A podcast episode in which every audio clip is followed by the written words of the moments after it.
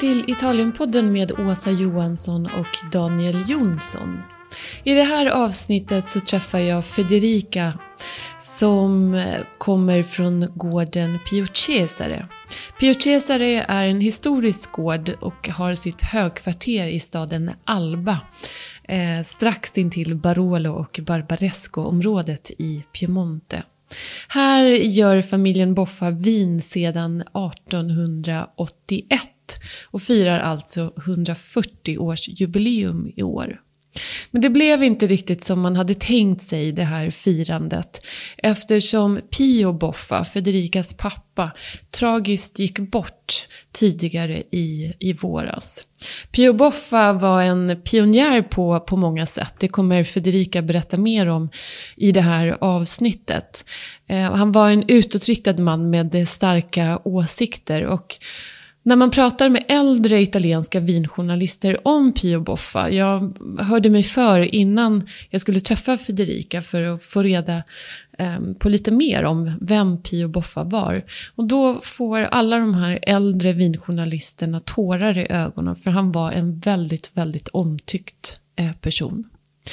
Men nu är det alltså Federica som ska ta hand och föra vidare eh, gården eh, in i, i framtiden. Eh, Federica är bara 23 år och jag blev så imponerad av hennes eh, styrka och hennes vilja och eh, klarhet över vad hon vill fortsätta att göra. Jag förlorade själv min pappa när jag bara var 20 år gammal och jag kan bara tänka mig hur det skulle ha varit att även ha en berömd vingård att ta hand om när man är så himla ledsen. Men möt Federica som jag bara önskar allt det bästa eh, framöver. För att som alltid här på Italienpodden så har vi ju, eller så är vi ju svaga för underdogs. Hoppas ni tycker om det och eh, vi hörs snart igen. Ciao, ciao!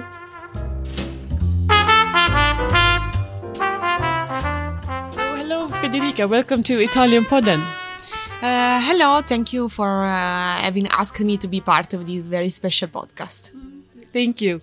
Um, to, uh, this year it's the anniversary um, of your winery. It's 140 years since your family started to to make wine.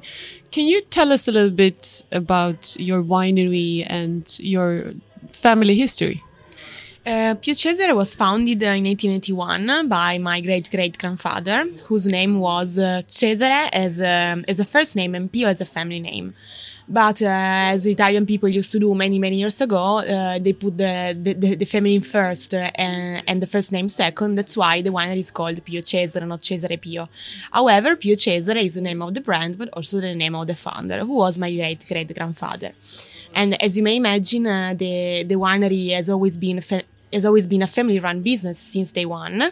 Uh, today I represent the fifth generation together with my cousin Cesare and you don't have a great fantasy when it comes to names in no, your family. Not at all. We always try to repeat the same name, uh, children after children. So uh, that's part of our uh, of our uh, of our fantasy and our and our history.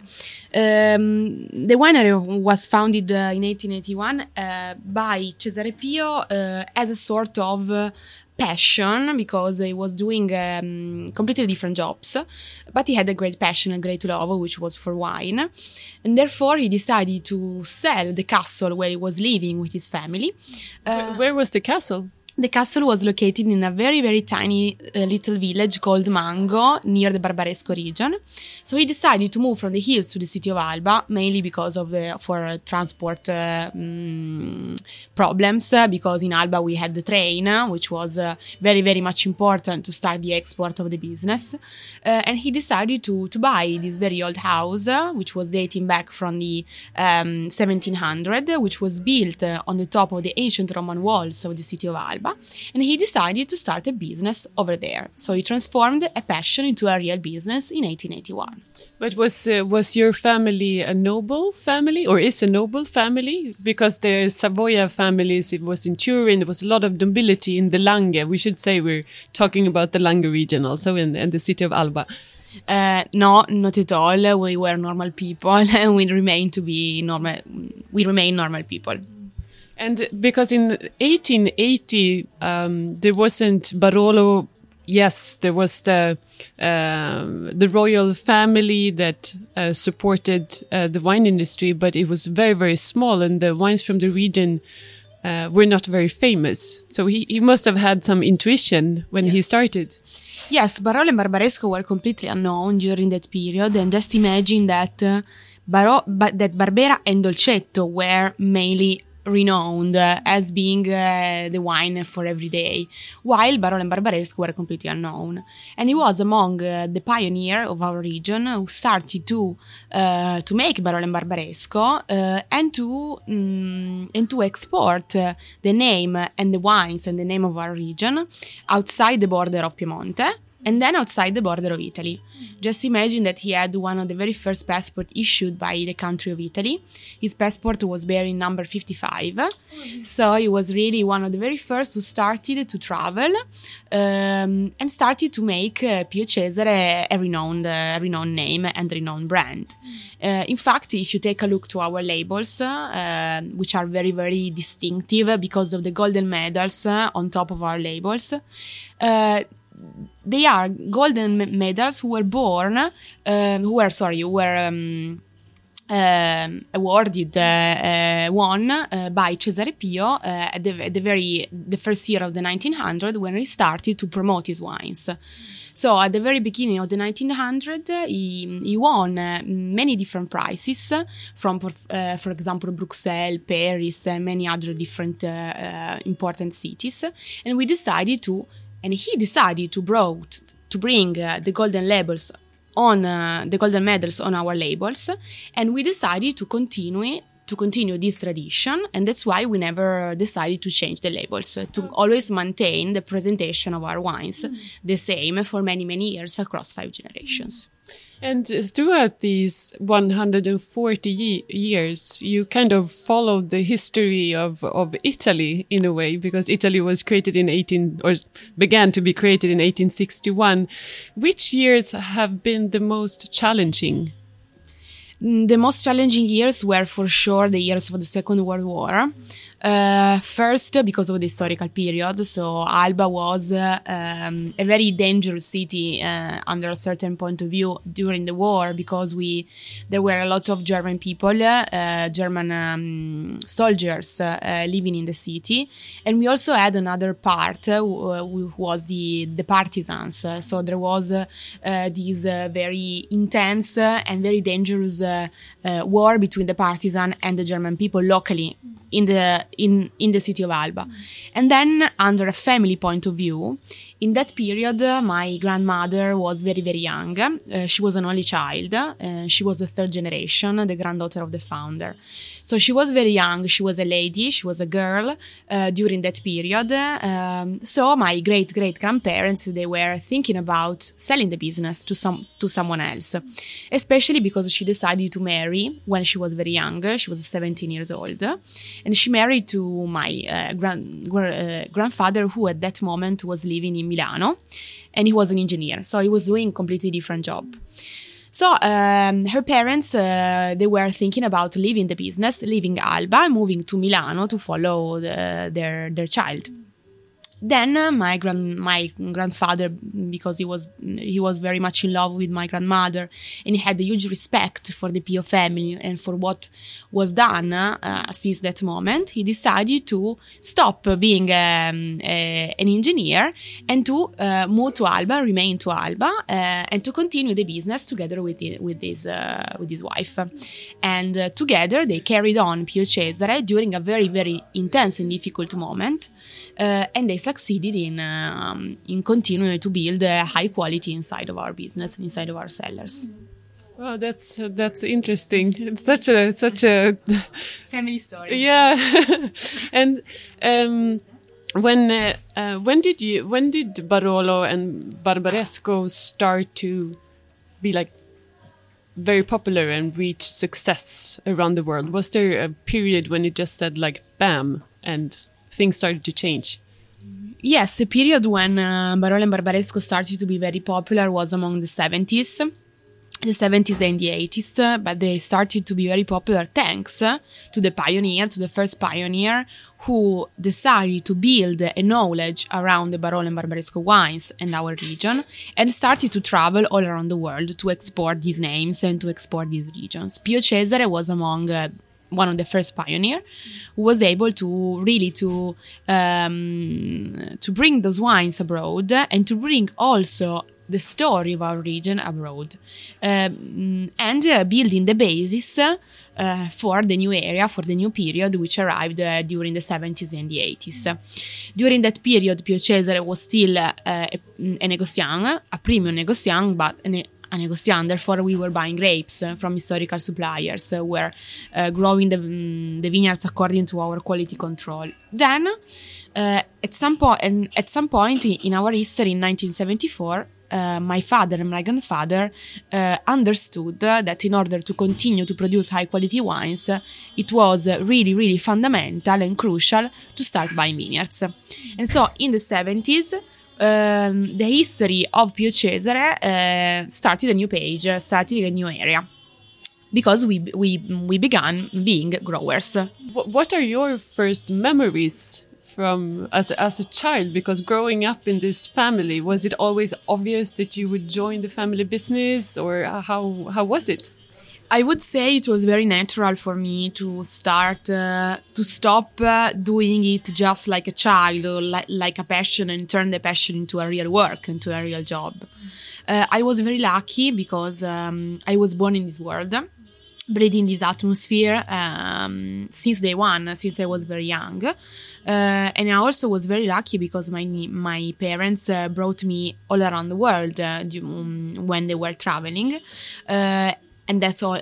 And only, uh, and also I was very lucky because uh, I started to speak English when I was very young, and I had the possibility to to know a lot of people and many many important inf- influent people all around the world all our distributors all our importers.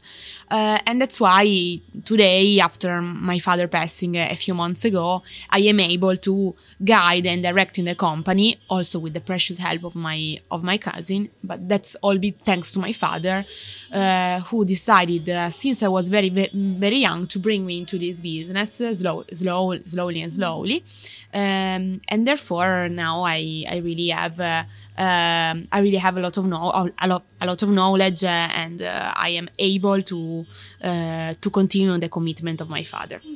Yeah, and so it's uh, you're because you're only 23 years old. Um, and you're you you you're now in charge with your cousin of, of, of the winery, and your father sadly passed away earlier this year. Yes. Um, and when when I talk about your father, to I try to understand. I I never met him, unfortunately, mm -hmm but um, when I talk to older wine journalists, they always get like tears in their eyes because he was uh, he seems to have been a very very fantastic person, very outgoing and and yes. wonderful. So yes, he was uh, he was um, a very special person, and um, he was also a special entrepreneur who had a lot of uh, a lot of visions. Uh, and who did a lot of uh, many important uh, things for our territory, for our region, for our wines. for example, he was among the pioneer of the Chardonnay in our region. he decided to plant Chardonnay in the 80s and to start producing a white wine with the same character of Barolo and Barbaresco, with a lot of aging potential, great character and great structure. in 1985, we were among the first to start producing a Chardonnay. Uh, he, wa- he was conducting uh, a huge um, fight around the concept of uh, the classic Barolo. Uh, versus the single vineyards. So he was uh, really supporting the philosophy, the classic philosophy, and the historical philosophy of producing Barolo in the sense of uh, blending Nebbiolo grapes coming from different regions and different positions instead of coming from just specific specific location. He was very much dedicated to the uh, to the region uh, of Alba. And that's why he never decided to move uh, our um, our winery, our cellar uh, outside of Alba, outside the historical center of the city of Alba, even though it means a lot of work and a lot of difficulties. Um, he had an intense character. Sometimes it was a little bit different, to, difficult to work with him, uh, but just because he had a lot of uh, pride and a lot of passion for his family, for his wines, and he really wanted everybody to respect our philosophy, uh, and um, and so he was a very special man, and um, he was uh, he had a lot of friends all around the world, and we were very much impressed when he passed away uh, by the lot lots of of, um, of flowers we received from many many many people all around the world, lots of emails. So we were really surrounded by by by love and by uh, warm friendships. Oh, that's beautiful. And uh, um, what do you what do you think about the close future? What are your plans? Now I, I saw I follow you on Instagram, so I, I saw that you were in Dubai. I think. Or? Yes, uh, um, Dubai was my first international trip after one year and a half, so after COVID. I am going to the US, uh, Canada, and US at the end of the month. Uh, so we are starting to um, go back to a sort of a normal life, uh, and we are very happy about that because our most important task nowadays is to uh, visit all the different countries where we export our wines. Uh, today we export um, our uh, our wines in mainly 40 countries very very small quantity exported uh, but located in the most important uh, market where there is a, a, great knowledge about wine. So visit each single country each single distributor to show that uh, Pio Cesare is still alive and the winery is still alive. There is now there is the, the, new generation the new face but the commitment and the passion is the same. Then we also have uh, many interesting new projects going on for example, we are continuing the, the idea and the project started by my father in the Timorasso region. Uh, so, in uh, two years and a half ago, uh, Pio Cesare made the first acquisition outside the Langhe region, the Barolo and Barbaresco region. We didn't move too far away because we remained in Piemonte, uh, but we moved in the province of Alessandria on the Colli Tortonesi, where they produce this very mm, uh, popular white wine called Timorasso. Mm. My father was really much impressed by this great variety because he thought it was really the grape variety was looking for um, as a white wine uh, which could stand together with Barolo and Barbaresco. Then we also made an, an, acquisition Alta Langa, so in an area of the Langhe region with a much higher altitude. Uh, which is renowned to make bubbles, but we are not making any sparkling wines. Oh, you don't make any sparkling wines? No. We have decided to instead plant Nebbiolo because we've understood that uh, climate change is really uh, affecting a lot uh, the style um, of Barolo and Barbaresco in general. So we have the, decided to be prepared if in, the, mm, in a few years uh, the regulation will allow us to produce Barolo and Barbaresco on a higher altitude. Mm-hmm. We have a lot of projects, uh, we have a lot of ideas, uh, and we will continue always uh, thinking about tradition, not in a sense of a burden, but in a sense of a starting point to continue our philosophy and our history. Oh, that's wonderful. Federica, I wish you the best of luck, and uh, I know your wines are very popular in uh, in Sweden. Um, the Timorasso product um, is uh, very interesting too. W will it arrive in Sweden in the future? Do you think? We have started to make a few tests, a few experiments. We have planted the vineyards only a few months ago, but in the in the in the last two years we have bought uh, some grapes uh, in order just to make experiments. So they are not on the market; they will not be sold. We will we will start uh, selling the wines when our our vines will be ready to produce grapes. And uh, in a sense, the, our idea of Timorasso is uh, of an aged kind of wine. therefore, you, we will probably have to wait at least five or six years before seeing a bottle of Pio Cesare Timorasso on the shelf. Okay, yeah, because or Tim- the wine list. or the wine list, yeah, because Timorasso is one of the most age-worthy white varieties yes. from from Italy. So yes. we need to have some patience. That's what I understand. Yes, well, producers uh, are uh, renowned to have a lot of patience. So. Consumers not so much. well, thank you so much again, and uh, I hope to see you in Stockholm or in Sweden in the, in the future. And enjoy everything. Thank you, Aza. It was a pleasure to be here with you today. Grazie mille.